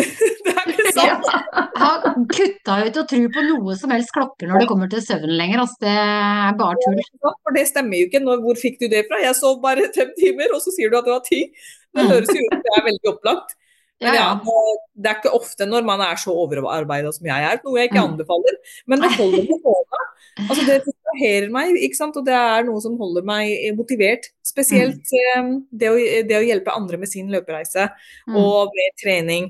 Og også veldig viktig, spesielt som instruktør nå, da, så, å, å, si eh, gode ting. Gi gode tilbakemeldinger. For mm. folk bare viser opp, de smiler og de bare 'Å, så bra, og takk'. Eh, ikke sant? Fordi det er så bra at du har møtt opp. Det er glatt, mm. det er mørkt, det er januar. De aller fleste har gitt opp på sine planer på trening. trening ikke sant? De hadde meldt seg inn. Og, men du er her. Så sett, gi deg selv kred for det. Så det er, tror jeg er veldig viktig at uh, man hører støttende og motiverende ord. Men det er jo helt fantastisk, da, for mm. noen eh, mangler jo på en måte tid til seg selv, og du har jo tid til andre også. Så det er jo helt, eh, det er jo helt utrolig at du, får, du, du, hjelper andre å trene i tillegg til å trene deg selv, da. Ja, det er galskap. Jeg skulle, litt, jeg skulle, gjerne hatt litt tid til meg selv. Så det mm. skal være litt av fokuset i 2024. er at I fjor så var, hadde jeg et mål om at vet du hva, nå har jeg løpt så mange løp i år, det var 2023, at nå skal jeg hjelpe andre med løpereisen. og Da starta jeg løpegruppene, og jeg har fått til eh, veldig god jobb der. I år så tenkte jeg ok, back in business, nå er det fokus på deg. Alt som mm. stjeler deg eh, fra energi, det kutter du ut. Eh, alt du ikke klarer, makter, sier du mm. nei til. For jeg er ikke flink til å si nei til ting. Nei. Så jeg tar gjerne ja, ja, ja, bare kjør på, ja, ja. People pleaser, ikke sant. Og mm. det, det, må jeg slutte litt med, og tenke litt på meg sjøl, og hva jeg kan faktisk ha kapasitet til. Mm. Hva er planene dine, altså hvilket uh, løp er på planen din i år? Ja, gud a meg. Um, jeg skal jo løpe sentrumsløpet med løpegruppa i april. Mm. Mm. Og så er det Når er det, det podkasten kommer ut? Til Neste på onsdag, er det ikke det, Tone? Eh, onsdag, ja. Ja, ja for det, da er det London for tredje gang. ja. Ja. Jeg skal på den. Jeg skal ikke si så veldig mye mer. Det kommer litt mer på mine sosiale medier om hvor, hvorfor og hvordan jeg har landa der igjen. når, er London, når er London? April. London er 22. Eh, april. Ja, ok. Ja, det er jo rett. Det er jo samme nesten som sentrumsløpet, det da? Ja, det er uka etter. Uka, Nettopp. Ja. Mm. Så det er veldig mulig jeg er der og heier på sentrumsløpet, altså, men uh, jeg har ikke lyst til å bare gi altfor mye gass. Men det gjør jeg aldri heller, så det går helt fint. jeg holder alltid litt igjen. Ja, ja. Men da har du London igjen, ja. Så det er tredje gangen, eh, ja? Tredje gangen. Eh, og så, eh, hva har jeg mer? Jeg har jo alltid Oslo Maraton. Da tror jeg vi ser litt mot Chicago og Berlin også. Mm -hmm. da, det, men det er Chicago fikk jeg plass i. Uh, gjennom lottery, og Berlin er, uh, blir også noe som står på kortene. Så jeg gleder meg. Mm. For jeg, i, år, um, i, år, så tenkte jeg jeg må begynne å satse litt mer på World Marathon Majors. For det har jeg egentlig ikke satsa på. Jeg har, jeg har, ikke råd til det, rett og slett. Unnskyld meg. Det Nei. koster en del penger. Ja, det er mye penger. 30 000 kroner for hver lille løpereise man skal ha. Mm. Altså når du sier det sånn, det er jo galskap. Altså, man skal Det er ikke billig å løpe. Nei. Det er ikke mulig å løpe, det er nettopp det. Så det er, de fleste vil jo bare og vet du hva, Jeg har bare lyst til å ta en tur rundt skogen og la meg være. Jeg skal ikke være med i galskapet som er de nyeste alfaflies, ikke sant? alle disse skoene. Og så og jeg skal være med på det løpet, og det koster deg hotell, det koster deg reise, flybillett og maten der, og, og så selve løpet, og så har du kanskje lyst til å shoppe litt. Det blir ekstremt mange utgifter bare på ett løp. Mm. Hva sitter du igjen med? Du sitter igjen med fantastiske opplevelser og erfaring, og det er gøy, og du får sant, leve den lidenskapen du har. Det er det som du gir næring til der og da. Men så tenker jeg litt på lommeboka mi og blir litt sånn der, å, søren, jeg kunne brukt det på noe helt annet. Jeg tror vi alle tenker det, faktisk. Ja, At eh, vi bruker unødvendige penger. Eh, Men kunne du tenkt deg å levd av, av det? Liksom kunne, altså ikke av, av løpinga, men det, du, du er jo en trener, du er jo en motivatør, du er på en måte Ja. Er det drømmen? det er det som er drømmen, Thea og Mm. Tone, er jo at eh, jeg skulle ha gjort dette her på full tid, og ikke måtte jobbe med det jeg jobber med. For lidenskapen ligger jo i løping. Mm. Lidenskapen ligger i å hjelpe andre mennesker, og jeg har jo alltid vært i Selv når jeg var i England, så jobba jeg jo med å støtte og veilede vanskeligstilte mennesker. Og nå sier jeg ikke løpere er vanskeligstilte, men altså det er noe med at jeg føler at jeg har den evnen i meg til å støtte mennesker og løfte dem opp. Mm. Og gi dem liksom eh, Finne en måte å finne gleden av fysisk eh, aktivitet og mosjon. Og det er ikke alle som har det. De aller fleste er demotiverte, kanskje. Og ikke aller fleste. Noen er demotiverte og har kanskje ikke så veldig lyst til å sette seg i starte med denne nye prosessen. Jeg, jeg hjalp jo søstera mi over sommeren, faktisk, Mm. til å starte ikke nødvendigvis løpereisen, men treningsreisen. Så vi trente sammen, for jeg hadde ikke barna da, de var i England. Og da brukte vi fire til seks uker på å bare trene sammen nesten hver dag. Og det var utrolig gøy. Og det som er så bra, er at jeg nå har eh, løsrevet meg fra henne for en stund siden, og nå fortsetter hun. ikke sant? Og det Hun er så takknemlig, og det har så mye å si for meg, fordi det er søstera mi, så jeg, jeg har ikke gjort noe, jeg har ikke tatt noe penger for det eller noe, jeg har gjort det fordi jeg hadde lyst til å hjelpe henne. Men dette er en, noe hun nå har.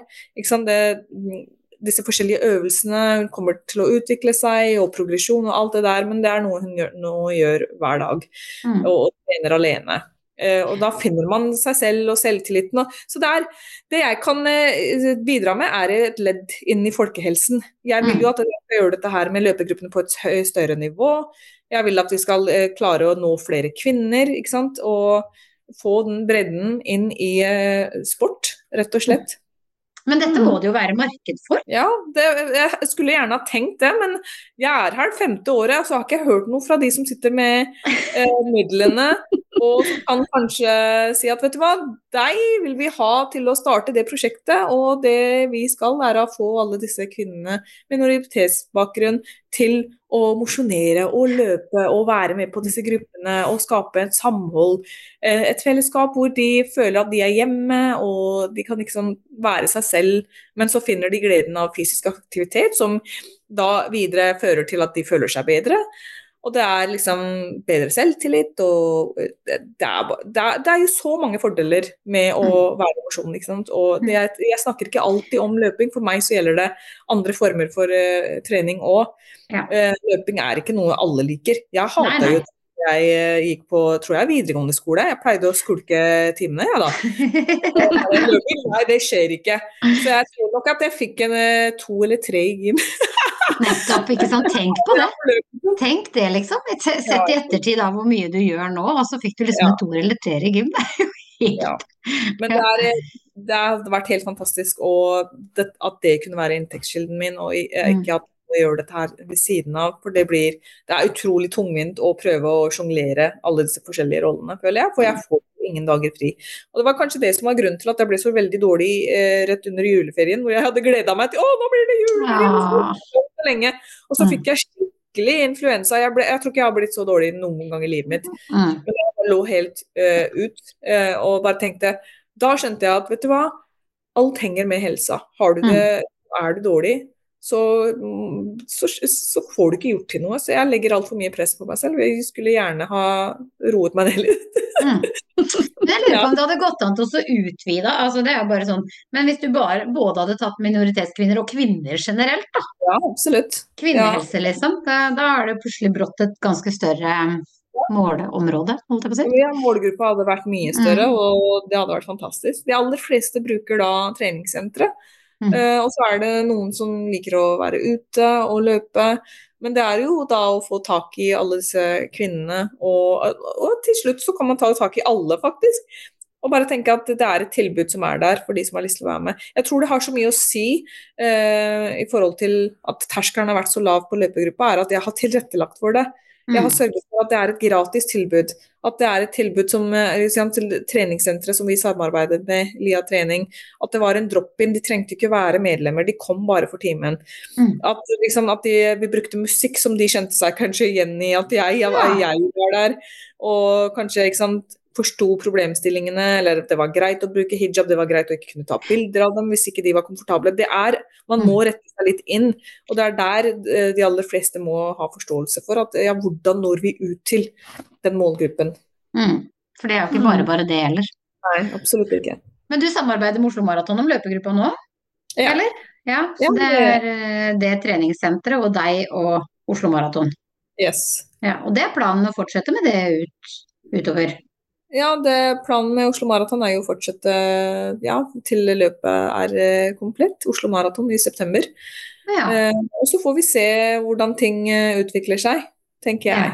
Ja. Men det, det, som er bra, er at uh, neste løp blir vel flere som Jeg håper det, i hvert fall, som er påmeldte. Og hvis ikke det, så er de som er meldt på, da kommer til å løpe lengre distanser. Så de har liksom prøvd seg halvmaraton hvis de har løpt 10 km. Og det er det som er spennende å se at de har vokst, sant, utviklet som løpere.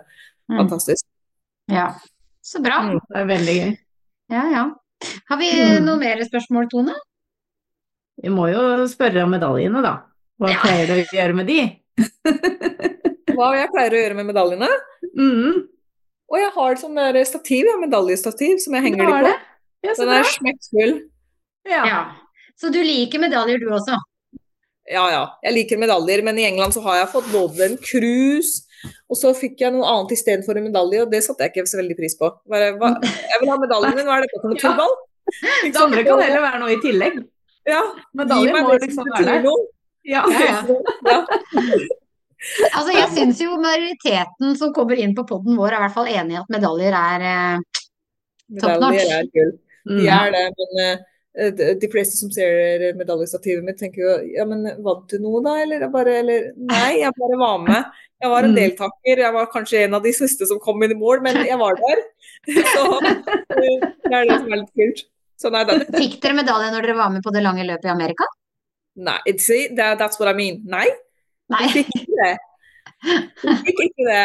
Men vi kunne få tilbake pengene på maten vi hadde spist. Altså. Det er ikke det samme, men OK. Så vi måtte gå rundt og samle på kvitteringer at vi hadde vært på forskjellige og Dunkin Donuts eller hva det nå måtte være. For å få kalorier i oss, fordi vi brente så mye sånn som vi holdt på. Jeg hadde bare men, spilt på sånne dyre restauranter, da, tror jeg. Bare... Nei, nei, vi gikk på bare junkfood-steder. Men det var ja, Jeg ble litt sånn dårlig av å spise sånn mat. Jeg hadde lyst på fiskeboller og poteter og altså ja. Kok noen grønnsaker. Ikke det at det er det jeg spiser hjemme her i Norge, altså. Men mm. det er jo det som er veldig norsk for meg. Og jeg hadde lyst til å spise ordentlig mat, og der var det um, quesadillas og tacos og pizza og burgere og du vet mm. det som er veldig vanlig i USA. Mm. Men jeg, det var dyrt, så jeg hadde ikke eh, visst Jeg visste ikke det. Jeg trodde det var mye billigere der, jeg da. Men det var ganske dyrt i mm. USA. Det er ganske dyrt i USA, ettersom jeg har hørt. Ja, så det var like greit at jeg ikke fikk eh, medalje. Da betalte de i hvert fall for junkfooden. mm. det måtte jo i hvert fall vært en svær medalje. Hvis du, liksom, ja. altså, enten så kan du drite i den medaljen, eller så får den være svær når det er så stort løp. Ja, ikke sant. Det er, sant. det er innmari kjedelig å få en sånn tolvkroners medalje, da, som er sånn derre uh, Skikarusellen-medalje, liksom. ja, ja. ja, medalje er viktig. Men har du et løp du har veldig lyst til å være med på? Et sånn bucketlist-løp? Bucketlist oh, Godt spørsmål. Uh, jeg har lyst til å løpe uh, på steder hvor det ikke normalt er så veldig mange. Kanskje Mm. um, Hva er det det heter langt oppe i nord i Norge? hvor det er veldig kaldt. Um, Midnight Sun Marathon, tenker du Tromsø, eller? Ja, Eller Svalbard? Svalbard tror jeg det var. Ja. Hvor du ser isbjørner og sånt. Det hadde vært veldig gøy. Og kanskje litt dash av nordlys hadde vært fantastisk, for jeg har jo det på bucketlisten min, da, å se nordlys. Men jeg er ikke i nærheten. Når jeg sist trodde jeg hadde sett det, så var det perlemorskier her, her i Oslo for noen uker siden. Jeg bare å ja, det var ikke nordlys.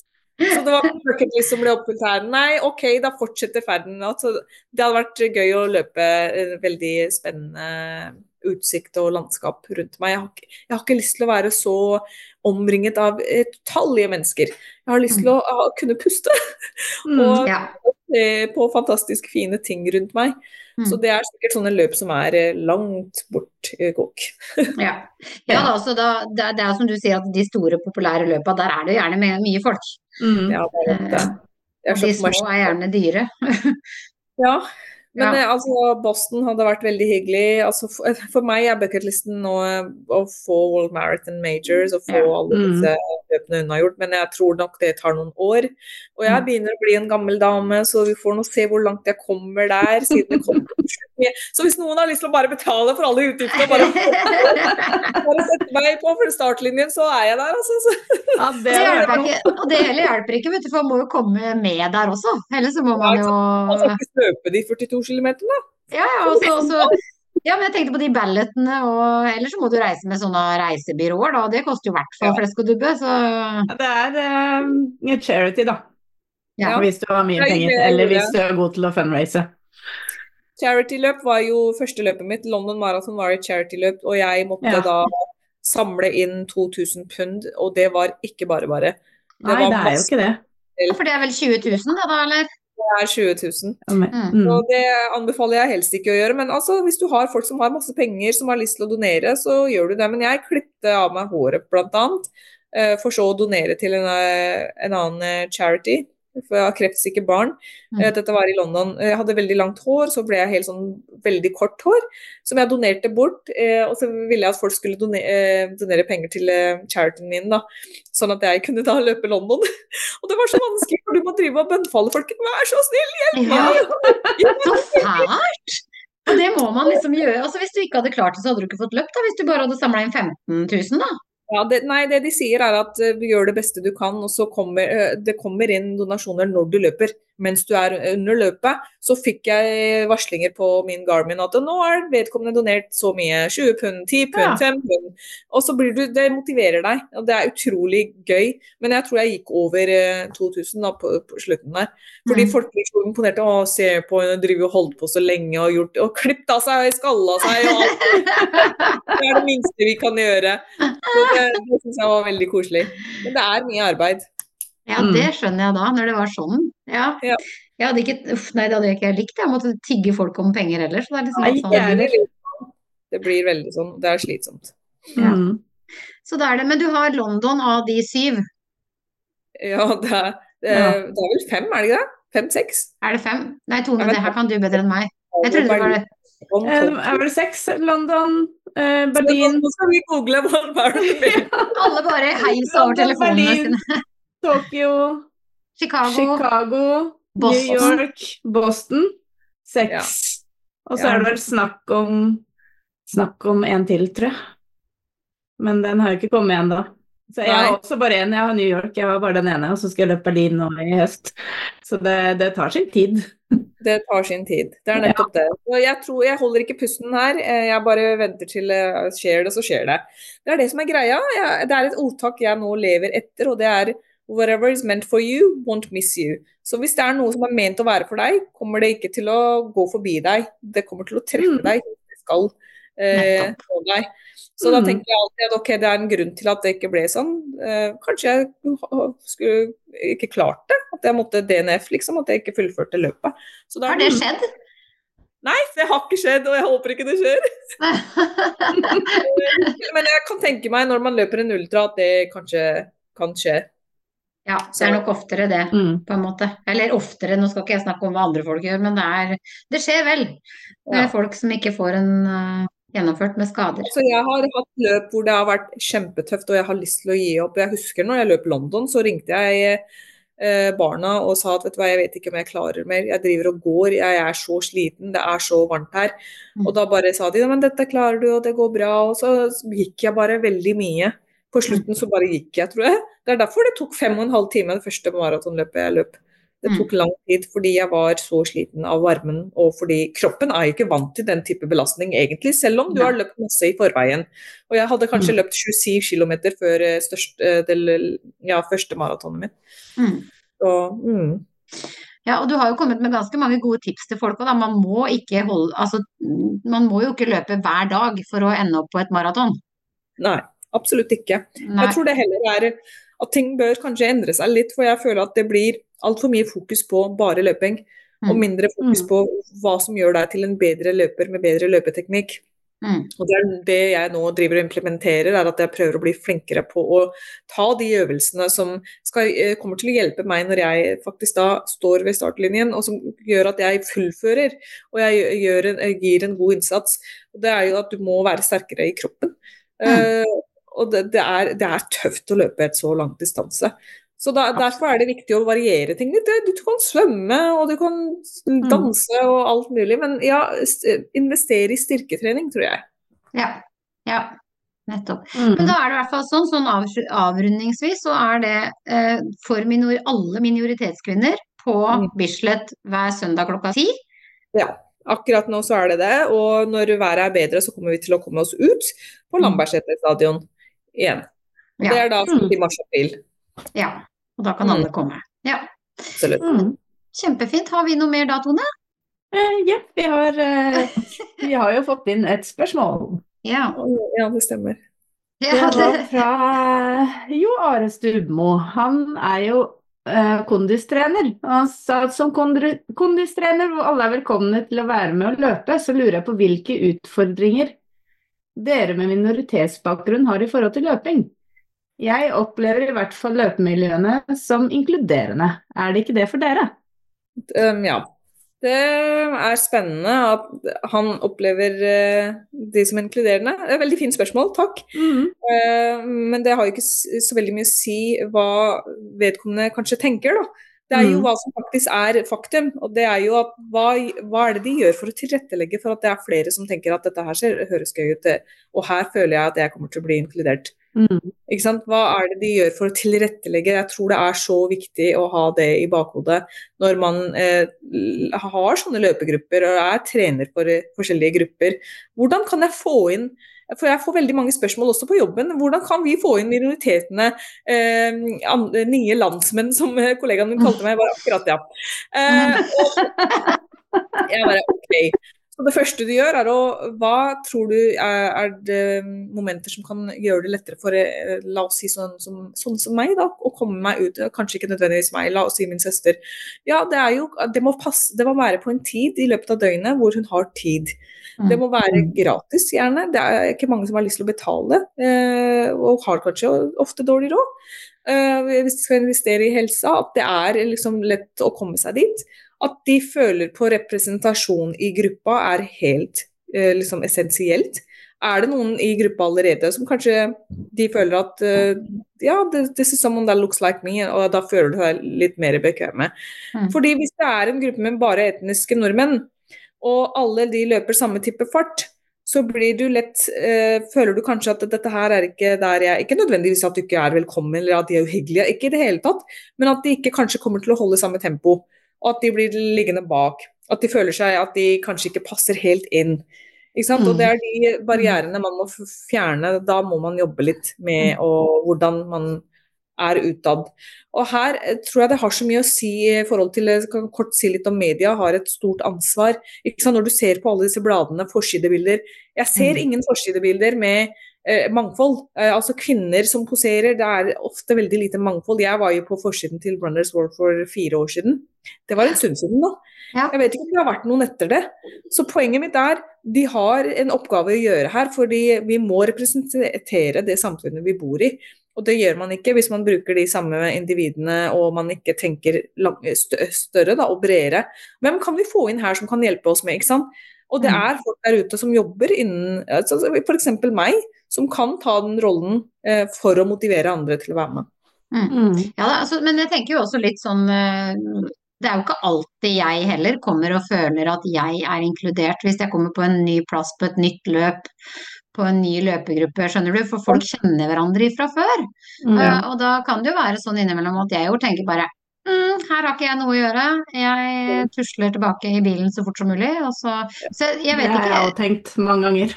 Ja. Eh, og så i hvert fall når jeg var overvektig. Så var det jo litt sånn at du, du følte deg litt stigmatisert, da. Så jeg skjønner jo det at det er ikke så lett for eh, løpsarrangører og løpegrupper og sånn spesifikt tenke på alle. Mm. Eh, Ja, det, det skjønner jeg, og det er, det er derfor man må kanskje ha, tenke at denne gruppa er for de som kanskje løper en viss type stil, og de Mm. løper eh, viss type tempo. Og fordi du kan ikke reklamere for at vi er åpne for alle, og den personen som blir igjen på slutten ikke har noen å løpe med. mm. Da, da mister du den personen neste gang, så er, neste uke så er ikke du der. Nei. Så det, det, er- det er derfor det er viktig hvordan man kanskje formulerer det da utad, eh, Mm. hva slags gruppe dette her er. Og jeg syns det er fantastisk at han har sendt inn et spørsmål, for da betyr det at han kanskje nå kommer til å være litt mer observant på det. Mm. Og bare tenke ok, vi kan gjøre dette her, vi kan sette det på plass for at flere skal delta på disse forskjellige gruppene. Mm. Ja, så tenker jeg også det er litt sånn som for å rulle den ballen litt videre, da, så er det litt det der bare se folka når de kommer. Uansett åssen etnisitet de har og sånne ting, så bare se folka, nye mennesker, når de kommer. For det er skummelt å være ny uansett. Ja, Mm. det, det stemmer. Og det gjelder absolutt alt i livet, egentlig. At man blir Mm. sett, hørt og blir lagt merke til. Og så at du får en tilbakemelding på den jobben du gjør, eller et eller annet at du får en liten oppfølging, da, sånn at du ikke føler at du blir stående der i hjørnet. Det er det som er litt viktig for meg i løpegruppa, er at ingen føler seg utafor, eller får noen kommentarer, eller jeg føler at å, jeg, jeg er for dårlig. Så det er det jeg får masse meldinger om, er kvinner som har lyst til å være med, men som bare sier ja, men jeg, jeg kommer til å holde dere langt bak, og jeg løper ikke, og jeg jogger, og jeg har skikkelig dårlig kondis. Så sier jeg men vet du det er åpent for alle. Og det, det mener jeg, for det jeg gjør da, er at, at jeg parer dem og finner en mentor for dem, og at vi hun er ny, velkommen. Og her er det en som kan hjelpe deg litt, og du er sammen med dem. Altså, det, sånn at de ikke føler seg sånn alene og forlatt. er. Det er veldig bra. Ja, det var en kjempeidé. Mm. Ja. Det, må, det må folk ta med seg det du sa der, og få en mentor på en måte, som på en måte kan ta seg litt ekstra av den personen da i dag. personen, Ikke sant? Mm. Så det skaper litt forutsigbarhet, og at vedkommende føler motivasjon. For hvis man har en økt ikke sant, hvor du føler deg litt sånn derre utenfor, og så, er det ekstra, eh, og så er den ganske vanskelig og tøft, så kommer man ikke til å komme tilbake, og da mister du den personen, og det er så trist. Mm. Så for meg så er det viktig at det- dette her er mennesker som kommer tilbake eh, og er med, og de vet at her er det her føler jeg meg hjemme. Mm. Så det er viktig å skape det i miljøet, da. Men ofte så har jeg vært på løpegrupper, eller jeg har vært i settinger hvor det er Altså det er samtaler, dialog om ting som du kanskje ikke føler at du kan være med på. Mm. øh, og du føler deg utafor, og så føler du allerede på at du ser annerledes ut. Og det er ikke sånn som jeg går rundt og er vic- victim mentality, at jeg går rundt og føler på det. Ikke i det hele tatt. Um, men jeg føler at det er ting som kan gjøres for å være mer inkluderende. Absolutt. Og i Norge Mm. ligger vi langt bak på akkurat det der. Mm. Så her har vi en liten eh, jobb å gjøre, føler jeg da. Ja, jeg er helt enig. Men jeg syns på en Mm. måte at jeg syns tankegangen er veldig, veldig bra, takk. rett og slett. Mm. Nei, hva tenker du nå da, Tone? Har, mer, har du noe mer du vil legge til, eh, Jevi? Jeg eh, Tja. Nei, jeg vil bare utbrodere dette her med det ansvaret som ligger på ja, løpeorgani, altså de som organiserer forskjellige løp, de som er på sosiale medier og har en plattform, de som har podkaster som dere. Det er så fantastisk at dere tok kontakt med oss og ville ha meg med. Mm. At vi får den plattformen og vi bruker den til å spre budskapet da, om det vi bl.a. gjør. Og at eh, det, det er et ansvar eh, som jeg føler veldig mange har, som ikke gjør noe med, med videre Mhm. med. Og føler at ja, ja, men det er sånn som Jeg skal ha det i bakhodet. Og det er ikke greit, for det, det, er det er en stor gruppe med mennesker som har lyst til å se mer representasjon og mer mangfold i løpebildet i sport generelt, som kanskje savner litt på det. Og har Mm. kanskje bare meg som referanse, og jeg vil ikke at det skal være sånn. Det er derfor jeg vil gjerne gi stafetten videre i løpegruppa Ja. når min tid er omme, ikke sant. Mm. som kanskje jeg blir gammel og grå. Nei. Jeg kommer ikke til å ha den samme energien, ikke sant. Jeg, og da tenker jeg, da vil jeg at deres barn og de neste generasjonene har da noe å jobbe videre med. Ikke sant? Nå har jeg starta ballen ruller, og da har vi noe å gå videre med. Men det er ikke bare meg det skal ligge på. Jeg trenger hjelp. Og det jeg har, tro meg, jeg har tatt kontakt med absolutt alle som kan hjelpe, og ofte fått et eh, liksom med eh, at folk ikke tar ansvar. Men det er derfor jeg er veldig takknemlig for Oslo Maraton, som har det samarbeidet med oss, og som har hjulpet med løpegruppene. Og det er veldig fint at de har fortsatt med det, Ja, syns jeg. Ja. For det er et tydelig behov der, der ute for de. Mm. Men eh, nå til det siste så har det vært la, dårlig oppmøte pga. hvordan været har vært. Så er det folk som kommer, ikke sant. Selv om det er Mm. én eller tre, så betyr det at de ønsker dette tilbudet. De har behov for å komme ut på søndag morgen, ikke sant. Eh, og det, det er det som er viktig, tror jeg. Men det er vel ikke alltid like motiverende for deg heller, da, når du vet du må ut hver søndag, liksom. Nei, det er kjempetøft. Jeg får jo ikke Uh, bare li bli liggende i senga på en søndag morgen som aller fleste. Ja. Uh, og ungene vet at ja, nå er mamma på løpegruppe. Og det, er- det er vanskelig for meg, uh, men jeg gjør det fordi jeg, jeg har lyst til å hjelpe disse kvinnene opp og frem. Så det er en viktig del av hvem jeg er som person, er at jeg vil løfte andre mennesker. Jeg vil at de skal komme seg til eh, startlinjen på sentrumsløpet, på Oslo Maraton, også andre løp. Ikke sant? Eh, og dette her skal bare være begynnelsen for dem, men da er det viktig at jeg er forutsigbar, jeg stiller opp, jeg er der hver søndag. Mm. Men eh, det skulle skje noe med det, gud for- Gud men eh, ja. ja, jeg ser den. Nei, det er fantastisk. Veldig bra jobba. Mm. Ja, det syns jeg. Veldig bra jobba. Skal vi runde av nå, da? Ja, Og tusen hjertelig takk for at du kom, JV. takk skal dere ha. Takk for at jeg fikk komme. Og eh, jeg er veldig glad i å snakke, som dere sier. klarer. Det er fantastisk. Ja, det er helt fint. Som du ikke trengte å spørre spørsmål. Jeg bare wow, wow, wow. Ja. Men det har vært kjempefint å være gjest eh, hos dere, og det er veldig fin initiativ dere har med denne podkasten. Kjempebra jobba. Takk. Takk, takk. Det tar vi med oss. Ja. Fantastisk. Nei, da takker vi for i dag. Takk for i dag. Tusen takk. Ha det bra. Takk for i dag. Ha det. Ha det.